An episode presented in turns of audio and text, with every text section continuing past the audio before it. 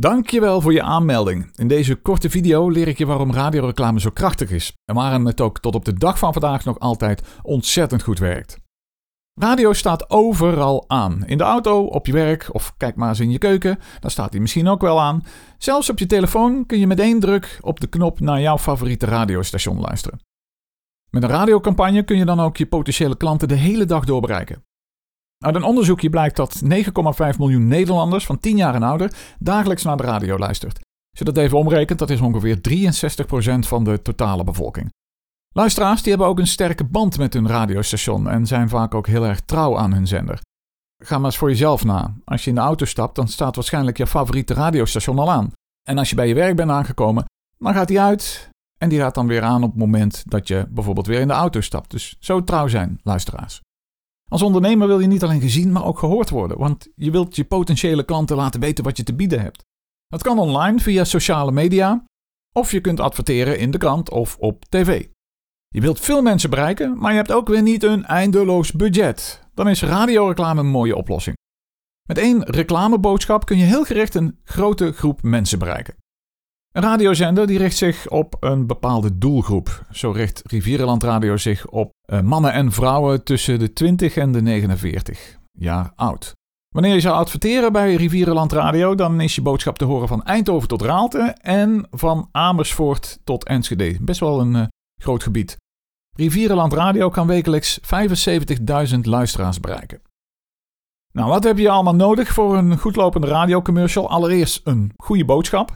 Je wilt niet te veel info in je boodschap stoppen, want uh, mensen hebben maar één keer de kans om uh, gemakkelijk alles op te nemen. Het moet dus makkelijk te begrijpen zijn. Liefst één boodschap per reclame. Dan heb je natuurlijk ook een stem nodig die jouw boodschap overbrengt. Dat is vaak ook een stem die past bij de uitstraling van jouw bedrijf met de juiste tone of voice, bijvoorbeeld zakelijk of enthousiast of helemaal over de top. Je kan kiezen voor een eh, gezongen radiocommercial of een donut met een gezongen begin en gezongen eind met daartussen een eh, tekst. Het kan kaal en het kan met muziek. En wat je ook nodig hebt is een duidelijke call to action. Dus mensen moeten weten wat ze moeten doen nadat ze jouw boodschap hebben gehoord. En vraag je ook af welke tijden ga je uitzenden. Drivetime bijvoorbeeld is erg gewild, maar ook vaak wat duurder. Drivetime is tijdens de ochtend- of de avondspits. Verder wil ik ook nog even vijf belangrijke voordelen van radioreclame met je delen. Luisteraars zijn trouw, ontzettend trouw aan hun favoriete radiozender. En zeppen daarom ook bijna niet weg tijdens een reclameblok.